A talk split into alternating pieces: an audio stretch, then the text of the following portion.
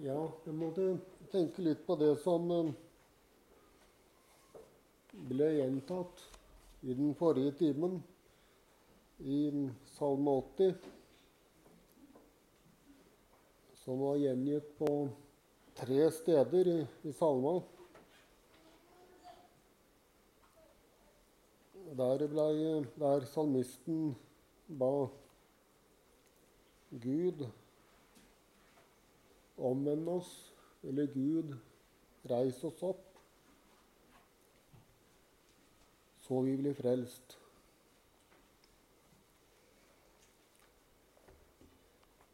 Og så er det godt at vi skal få lov til å be og synge slik som vi, slik som vi gjorde nå.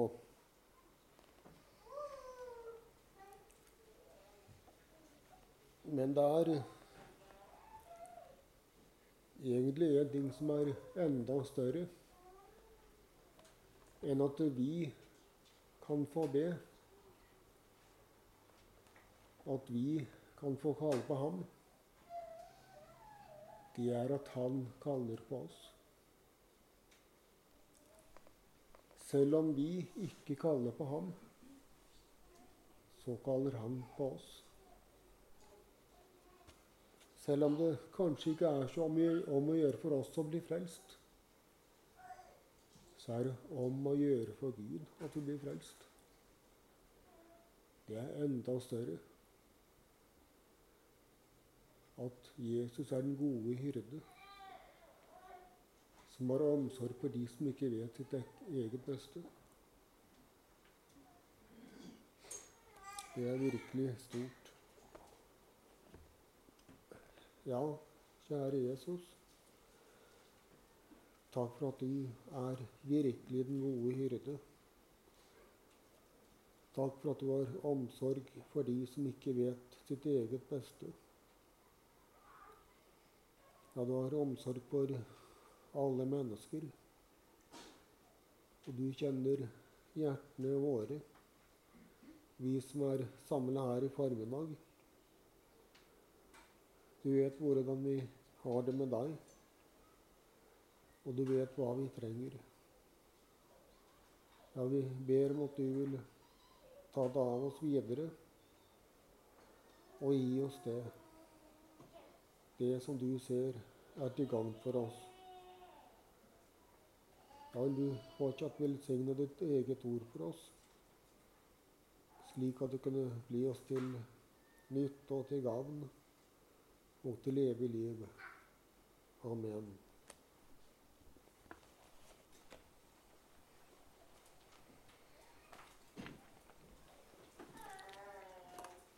Vi skal lese fra apostlenes gjerninger 2.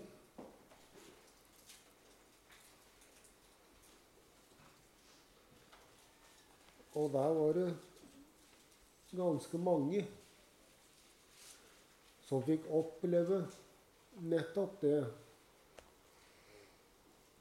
at de blei dratt inn til Jesus. Enda de egentlig på forhånd ikke hadde bedt om det.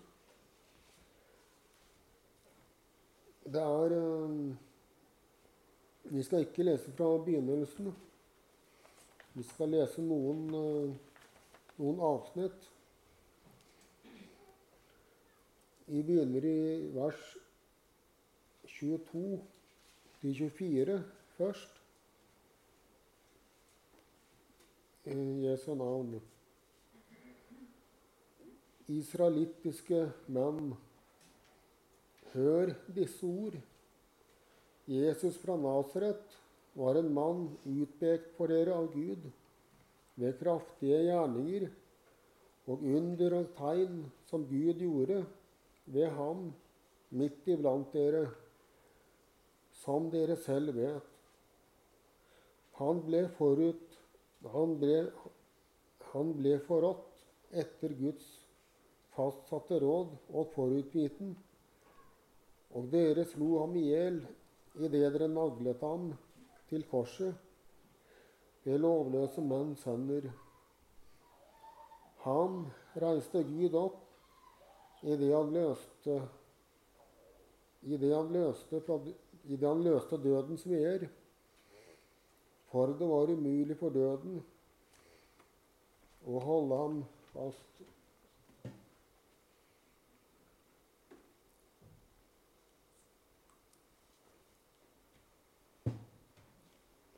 Og så hopper vi til vers 36 og leser ut kapitlet. Så skal da hele Israels folk vite for visst at Gud har gjort ham både til Herre og til Messias, denne Jesus som dere korsfestet. Men da de hørte dette, stakk det dem i hjertet, og de sa til Peter og de andre apostlene.: Hva skal vi gjøre, brødre? Peter sa til dem, Omvend dere og la dere alle døpe på Jesu Kristi navn til syndenes forlatelse. Så skal dere få Den hellige ånds gave. For løftet tilhører dere og deres barn og alle dem som er langt borte, så mange som Herren, vår Gud, kaller til seg. Også med mange andre ord vitnet han, og han formante dem og sa:" La dere frelse fra denne vrange slekt. De som nå tok imot hans ord, ble døpt, og den dagen ble det lagt til omkring 3000 sjeler. De holdt urokkelig fast ved apostlenes lære og ved samfunnet, ved brødsbrytelsen og ved bønnene. Og det kom frykt over hver sjel, og mange under og tegn ble gjort ved apostlene. Alle de troende holdt sammen og hadde alt felles. De begynte å selge eiendeler og gods og delte ut til alle ettersom enhver trengte det. Hver dag kom de trofast og med ett sinn sammen i tempelet og i hjemmene, brøt de brødet og holdt måltid med fryd og hjertets oppriktighet. De lovet Gud og var velsett av hele folket. Og Herren la hver dag dem som ble frelst, til menigheten. Ja, til å begynne med her så leste vi litt ifra Peter sin tale på første pinsedag. Han viser jo til det at eh, Jesus, han er Messias. Han er den som Gud har lovt skal komme, så viser han at det som skjedde i påsken, det var, slik som vi leste i vers 23, det var etter Guds, Guds fastsatte råd og forutviten. Og han konkluderer også i vers 36 at Gud har gjort ham både, både til Herre og til Messias. Og ikke minst så vitner jo oppstandelsen om det, som de, vi leste her i, 80 vers 24. Ham reiste Gud opp.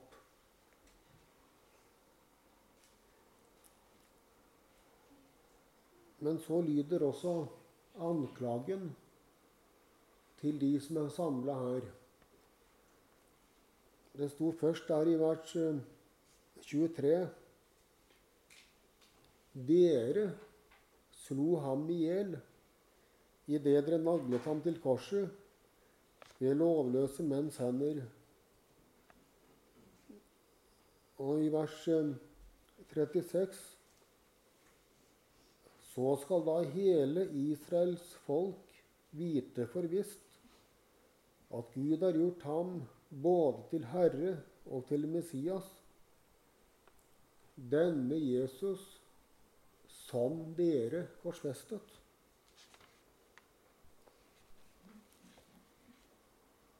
Og så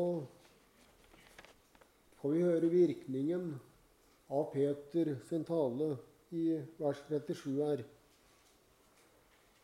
Men da de hørte dette, stakk det dem i hjertet, og de sa til Peter og de andre apostlene Hva skal vi gjøre, brødre?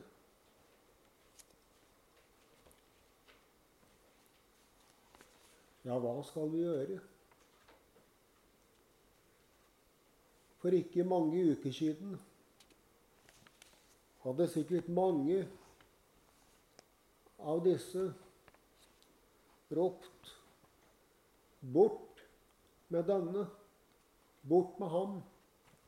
Bort med Jesus. Korsfest ham. Gi oss Barabbas fri.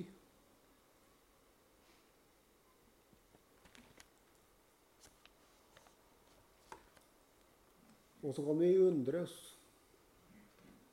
hva var grunnen til denne veldige forandringen?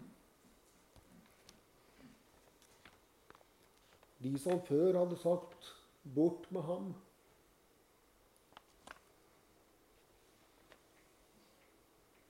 de hadde nå fått se noe. At de virkelig hadde synda.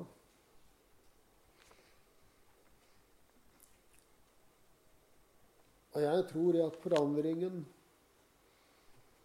den finner vi i det som Jesus sier i Johannes 16 om talsmannen, om Den hellige ånd.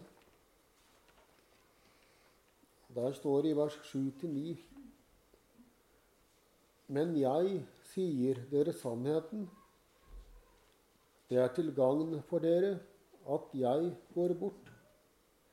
For dersom jeg ikke går bort, kommer ikke talsmannen til dere.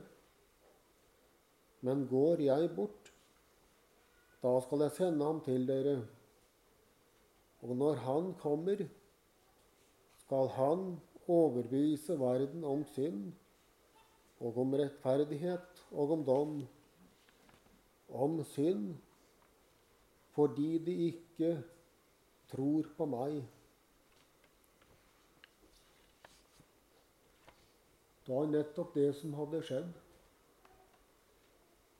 De hadde blitt overbevist om synd, om sin egen synd.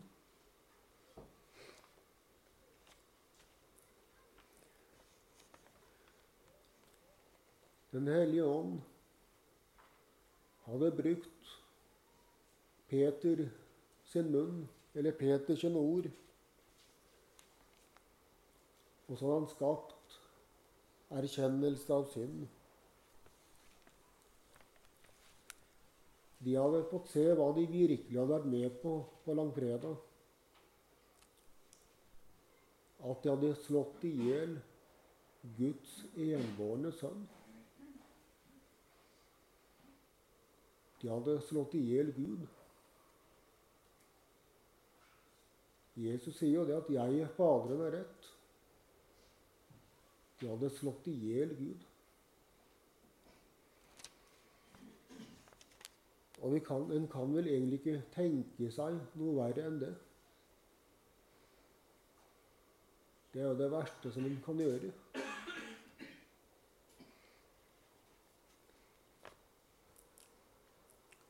Vi, vi husker jo David.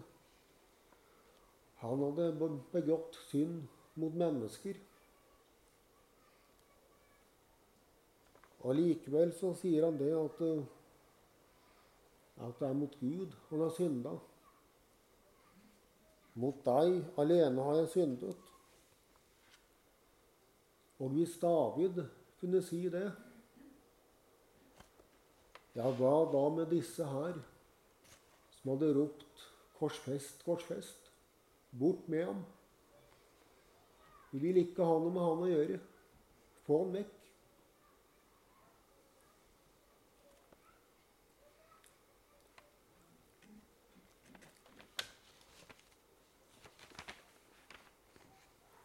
Ja, slik blir det når en sitter ved Jesu føtter. Nå kan vi si at det var, det var mange som var samla på det møtet. Det var det. Men vi ser det at Guds ord de fikk en sånn voldsom makt at hver enkelt fikk nok med seg selv. Det var meg og min synd og Herren.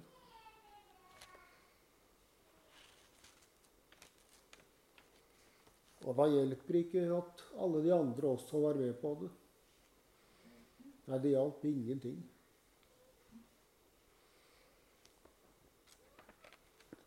Og derfor så spør de, slik som vi leste Hva skal vi gjøre, brødre? Hva skal vi gjøre slik som vi har stelt oss nå?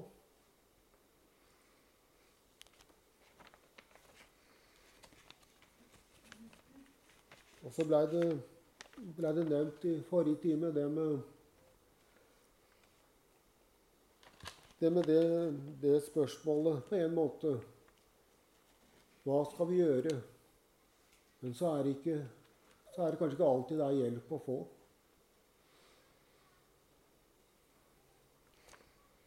Men her, her var det hjelp å få. Og det var deres redning.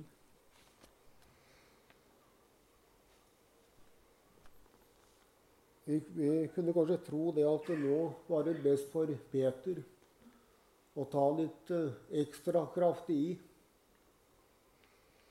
for å være på den sikre siden. De måtte vel i hvert fall bøye seg i støvet og avlegge en uforbeholden synsbekjennelse. Mens apostlene sto rundt dem og, og granska nøye om de om de var ærlige nok, og om de fikk med alt, og om de mente det alvorlig nok. og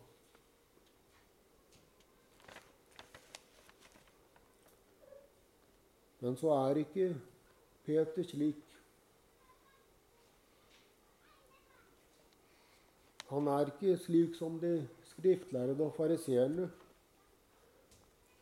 Jesus sier om dem at de binder sammen tunge byrder og lesser dem på menneskenes skuldrer. Men selv vil de ikke røre dem med en finger. Det er Matteus 23, 4.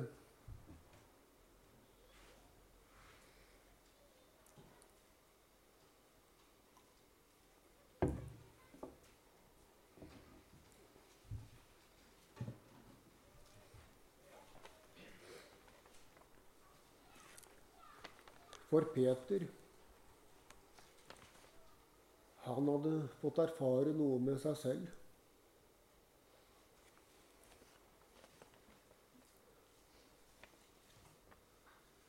Han var selv en synder.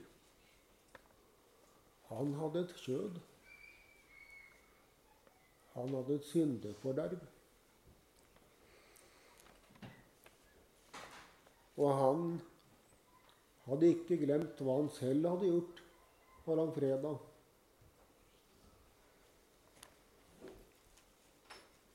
Han hadde lovt at han skulle ikke svikte, men han svikta likevel. Han fornekta sin frelser. Enda han hadde vandra sammen med Jesus i tre år. Enda han burde virkelig ha kommet lengre.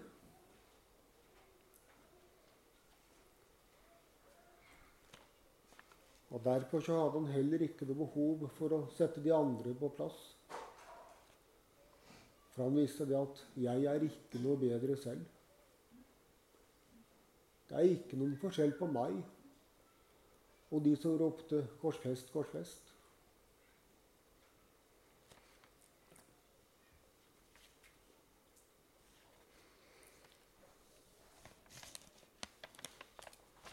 Derfor så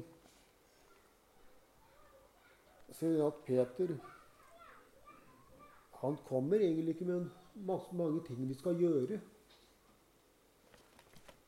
Jo, det er sant, han sier 'omvend dere'. Det gjør han. Men uh, ellers ja, hva er han egentlig forkynner? Det er evangeliet. Det forkynner han for de som har vært med på å drepe Jesus, Guds sønn. Han forkynner dem det som de minst av alt har fortjent.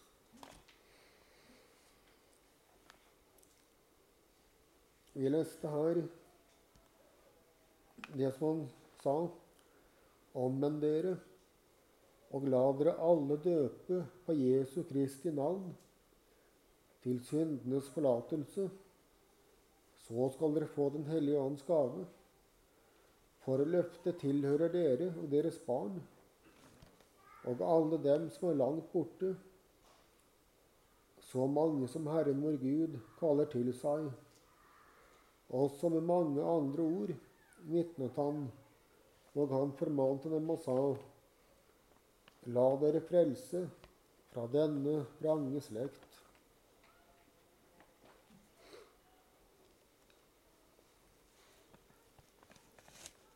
Men hvorfor kan egentlig Peter tale slik som han gjør?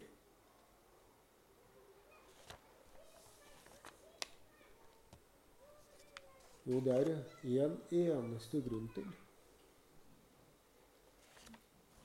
Og det er det at uh, alt som de skulle gjort, det er gjort av han som de har vært med på å korsfeste.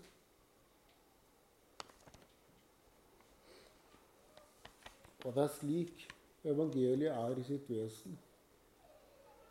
Vi sier ofte det at evangeliet er uforskyldt. Ja, det er sant.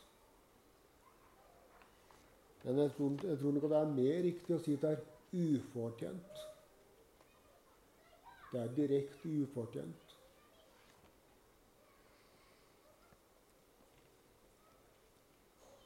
Og når vi leser om det som skjedde i forbindelse med Peters tale.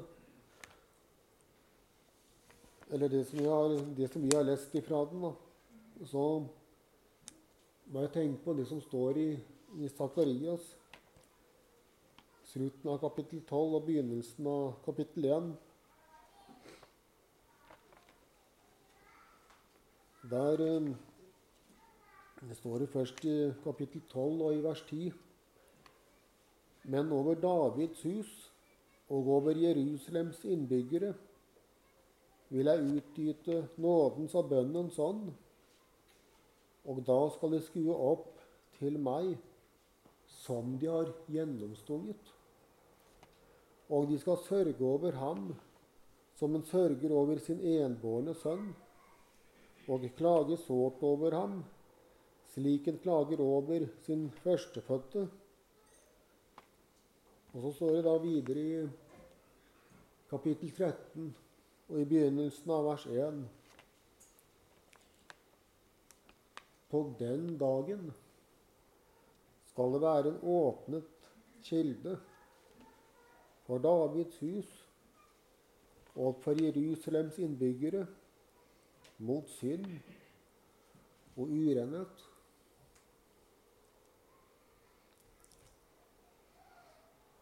Det var det de opplevde på pinsedag. De tok, din, tok sin tilflukt til ham som de egentlig bare hadde gjort vondt imot. De tok sin tilflukt til ham som de tidligere hadde forkasta og intryggen. ryggen.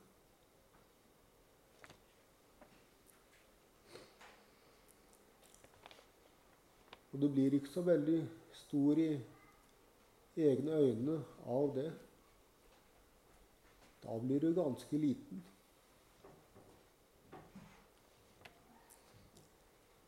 Men allikevel så leste vi det her til tross for at de kanskje følte og tenkte at det Nei, det går ikke an. Så sto det det her. På den dagen skal det være en åpnet kilde for Davids hus og for Jerusalems innbyggere mot synd og urenhet.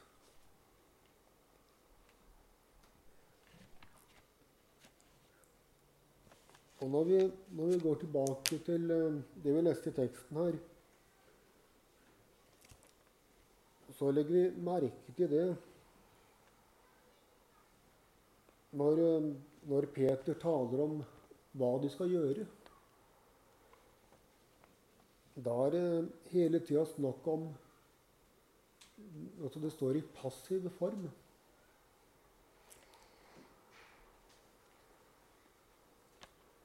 Han sier i vers 38 om å la dere døpe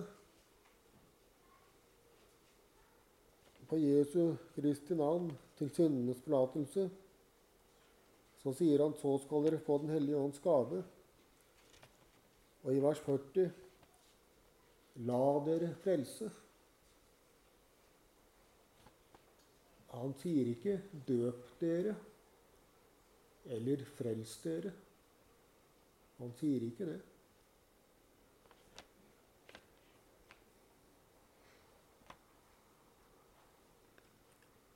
Og så henviser han i vers 39 til Guds løfter.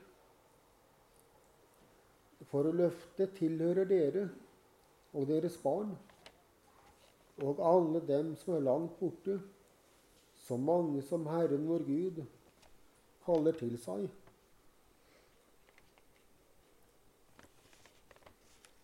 Løftet tilhører dere.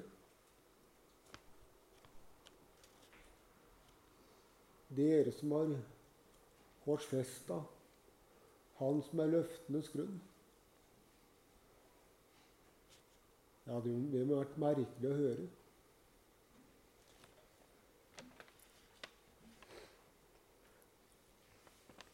Til tross for det som de hadde gjort, så sto løftene fast. Ja, det er sånn som Paulus skriver, skriver til Timoteus. Er vi troløse, så forblir han trofast, for han kan ikke fornekte seg selv. Vi kan forandre oss. Ja, vi kan være veldig ustabile. Vårt følelsesliv det kan være slik og slik, og vi kan love noe på en god dag, og så angrer vi etterpå. Ja, sånn kan vi være. Men slik er ikke Gud. Han er ikke slik som deg og meg.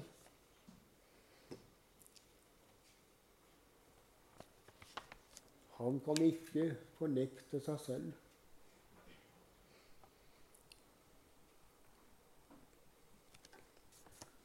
Selv ikke min og din troløshet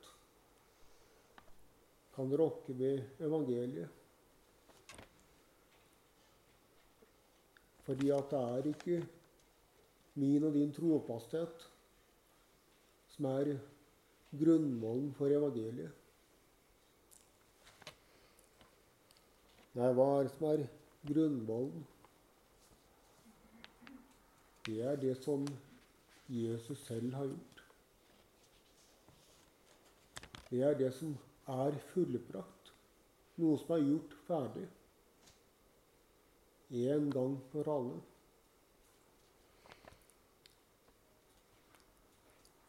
Og så leste vi på den dagen Da var det omtrent 3000 mennesker som tok imot evangeliet.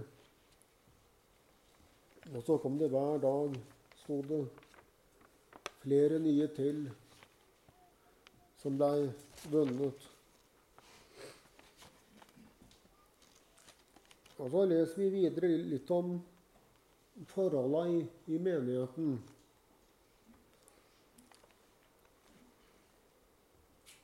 Og det som eh, Det som vi leser, det er ikke et resultat av loviskhet. Det er ikke et resultat av menneskelige kraftanstrengelser. Nei, det er et resultat av, av evangeliet. Det er et resultat av at de har tatt imot Jesus. At han har fått plass og rom i hjertene. Derfor så har det blitt, eller derfor så ble det slik som vi leste her. Og vi har mye å lære av dette, av det som vi leser om disse. Det står jo først der at de holdt urokkelig fast ved apostlenes lære. Ja, hva var apostlenes lære? Vi kan vel egentlig si det veldig enkelt. De holdt fast ved det som står i Bibelen. Det er vel egentlig det korte svaret på det spørsmålet. Vi kan uh, godt slå opp i Lukas 24.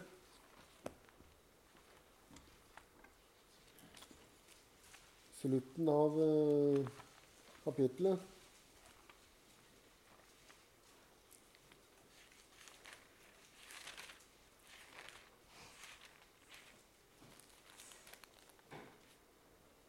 Der um, er det Jesus som um, taler til disiplene fra vers 44 uh, til 48. Så sa han til dem, Dette er mine ord, som jeg talte til dere mens jeg ennå var hos dere, at alt det måtte oppfylles som er skrevet om meg i Mose lov og profetene og salmene. Da åpnet han deres forstand, så de kunne forstå Skriftene.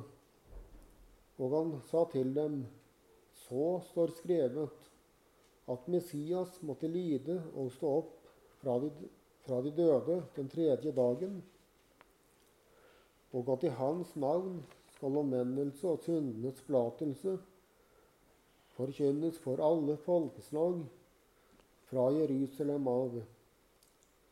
Dere er vitner om dette.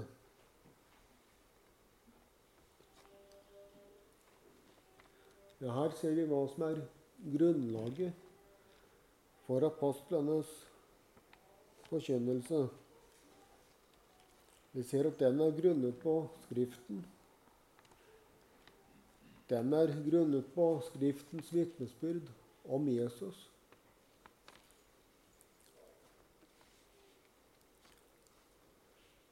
Og her har evangeliet sin grunn. Det har sin grunn i Jesus, det som han gjorde for kort tid siden. Og så er det dette som skal forkynnes både i Jerusalem og videre til jordens ender. Og dette er apostlene vitner om. Det er det Jesus sier her. Dere er vitner om dette. Dere er vitner om at det som Skriften sier, det har skjedd. Og det var det de så med sine legemlige øyne. De så det at Jesus ble spikra opp på et kors. Han døde. Han ble lagt i en grav. Og han sto opp igjen ifra de døde.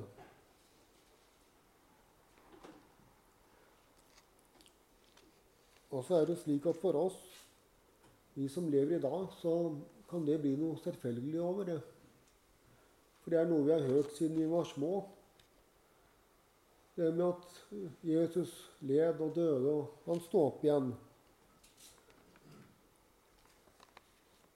Men i den første kristne tid så var, var ikke det noen selvfølge. Verken det at eh, Jesus var Guds salvede, han som skulle frelse sitt folk fra deres synder, eller det at han hadde blitt oppreist ifra graven, ifra døden. Og Derfor så var kanskje dette er et av de viktigste kjennetegna på apostlenes lære og forkynnelse. Og videre her så ser vi at de også holdt urokkelig fast ved samfunnet og ved brødsbrytelsen. Og jeg må si jeg har tenkt noen ganger når jeg ser på, på møteoversiktene og så ser jeg, ser jeg på møtene i, i Mosvik at det er ja, gjerne to møter i uka. Og så syns jeg at det er, ja, det er mye. Det er veldig mye. Men så leser vi her om hvordan, hvordan det var blant de første kristne. Vi ser i vers 46 her hver dag kom de trofast sammen og med ett sinn sammen i tempelet. Og i hjemmene, hjemmene brøt de brødet og holdt måltid med fryd og hjertets oppriktighet. De kom sammen hver dag, står det. Og det er slik at uh, hvis det er noe som er viktig for deg, da, prior, da prioriterer du det framfor andre ting. Og Det er en som jeg husker sa noe for mange år siden. Og jeg husker ikke nøyaktig hvordan det ble sagt, men veldig fritt gjengitt så gikk det, på, gikk det med dette her at hvis det er slik at lasten på bedehuset ofte er tom, da er det stor fare for at din plass i himmelen også er tom. Ikke fordi at uh, du blir frelst ved den gjerningen det er å gå på møte.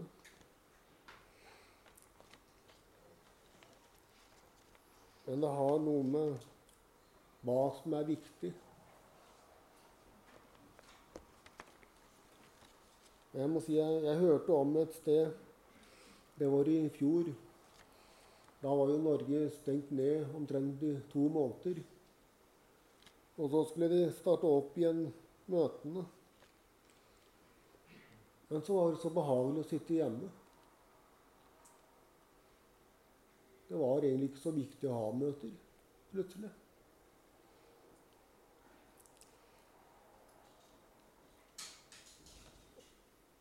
Og da er det et spørsmål som som presser seg på hvis det er slik at det ikke er så viktig.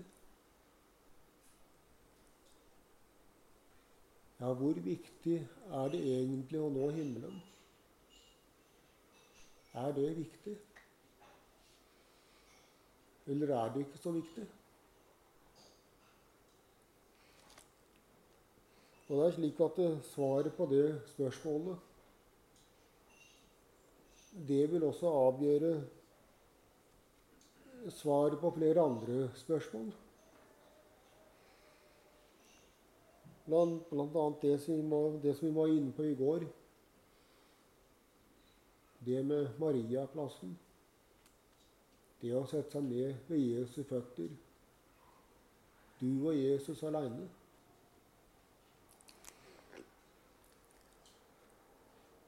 Og også det med de hellige samfunn, er det viktig å møte sammen med de andre troende.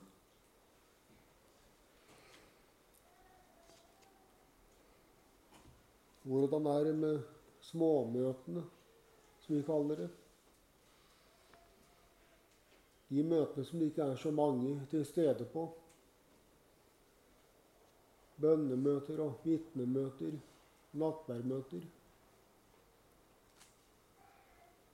Er, de, er det så viktig?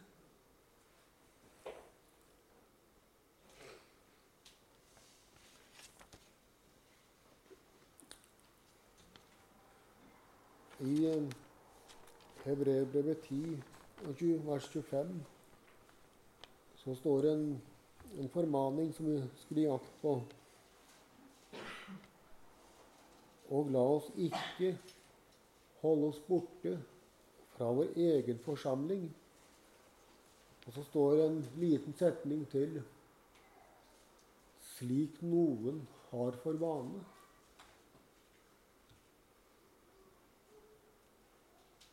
Det er vel ikke slik at du har for vane å holde, å holde deg borte. Det er slik med oss alle at vi trenger et åndelig hjem. Enten det er en misjonsforening eller om det er et forsamlingshus. Vi må ha et hjem der vi kan si det at uh, her har jeg mine åndelige brødre. Her blir jeg oppbygga på min høyhellige tro.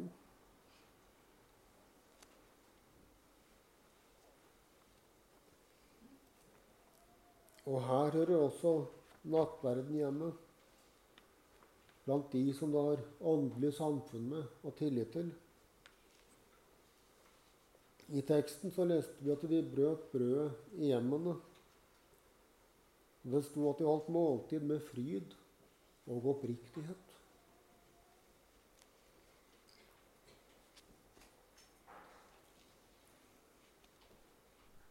Ja, hvorfor kunne de gjøre det?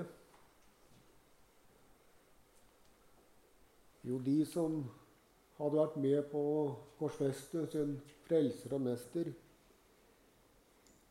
de hadde funnet nåde og miskunn til hjelp i rette tid, når de trengte det.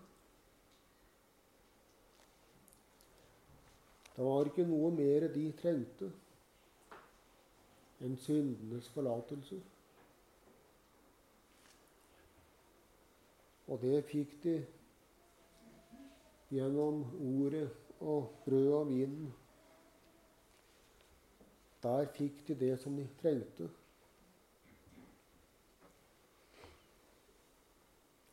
Og det siste som, vi, som det sto om, det var at de holdt urokkelig fast ved bønnene. Og og i Apostlenes gjerninger 4 så står det først om det at Peter og Johannes de blir fengsla. Og det blir de fordi de, som det sto i vers 2 her eh, Det var altså ja, prestene bl.a. og sadukeerne. De var harme over at de lærte folket og forkynte oppstandelse fra de døde i Jesus. Og så blir de da forhørt. Og så ender det med at de blir eh, frigitt. Og så kommer de tilbake til sine egne, og så forteller de det som har skjedd. Og så står det det er i begynnelsen av vers 24 der. Da de hørte dette, løftet de samstemmig sin røst til Gud. Og Hvis du ser, ser nedover på de versene, så ser du at det er mange henvisninger til Salmenes bok.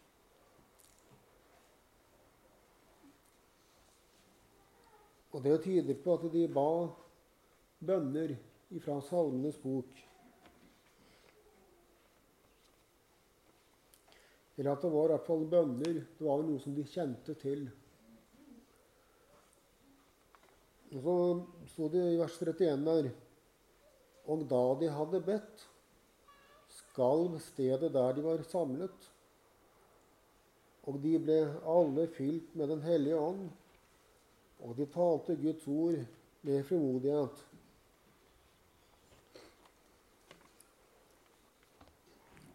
Og så må jeg få ta med noe av Øyvind Andersen.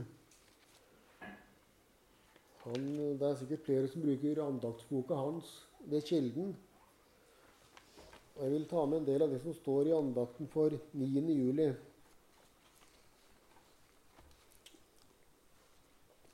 Noen tror at det er upersonlig å bruke det skrevne ord sin bønn, som, som sin bønn. De mener at det blir mer personlig med, at, med det som de formulerer selv. Men det er langt fra å være sant. Guds ord kommer fra Guds hjerte til oss, og Gud har gjort det slik at det, altså Guds ord, skal bære fram vårt hjertes tale fremfor ham, og forsømme Guds ord i bønnen, gjør den ensidig og fattig, og bruke Guds ord i den, gjør den rik, og gir den en forunderlig kraft. Dertil kommer at jo mer vi bruker Guds ord i våre bønner, desto mer kommer våre egne frie bønner med våre egne ord til å utfolde seg.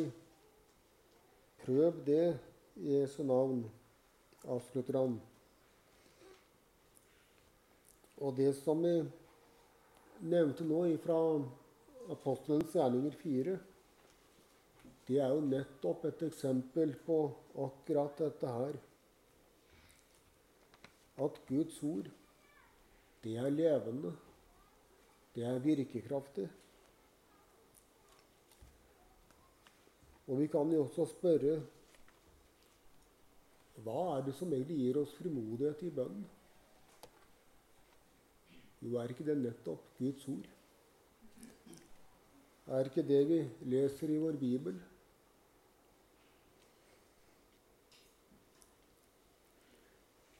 Det er jo de løftene som vi kan slå opp og lese selv om de er stikk i strid med vår egen fornuft og våre egne følelser, så kan vi komme på Guds eget ord. Og det, det siste som vi må nevne veldig kort, og som vi legger merke til også, det er den enheten som er i menigheten blant de troende. Og vi, vi, forstår det at vi er ikke slik som den enheten som ofte er i, i vår tid. At uh, alle menigheter skal gå sammen, og alt er like bra. Det var ikke en ekumenisk enhet. Så vi leste her at uh, de holdt urokkelig fast ved apostlenes lære og de ba med samstemmig røst. Ja, Vi leste til og med at de hadde alt felles.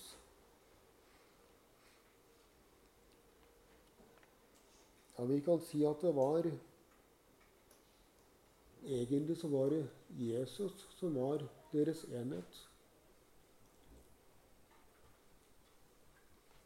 Det var ham de var samlet om. Det var han som var midtpunktet. Og så førte denne indre enheten Den førte også til en ytre enhet.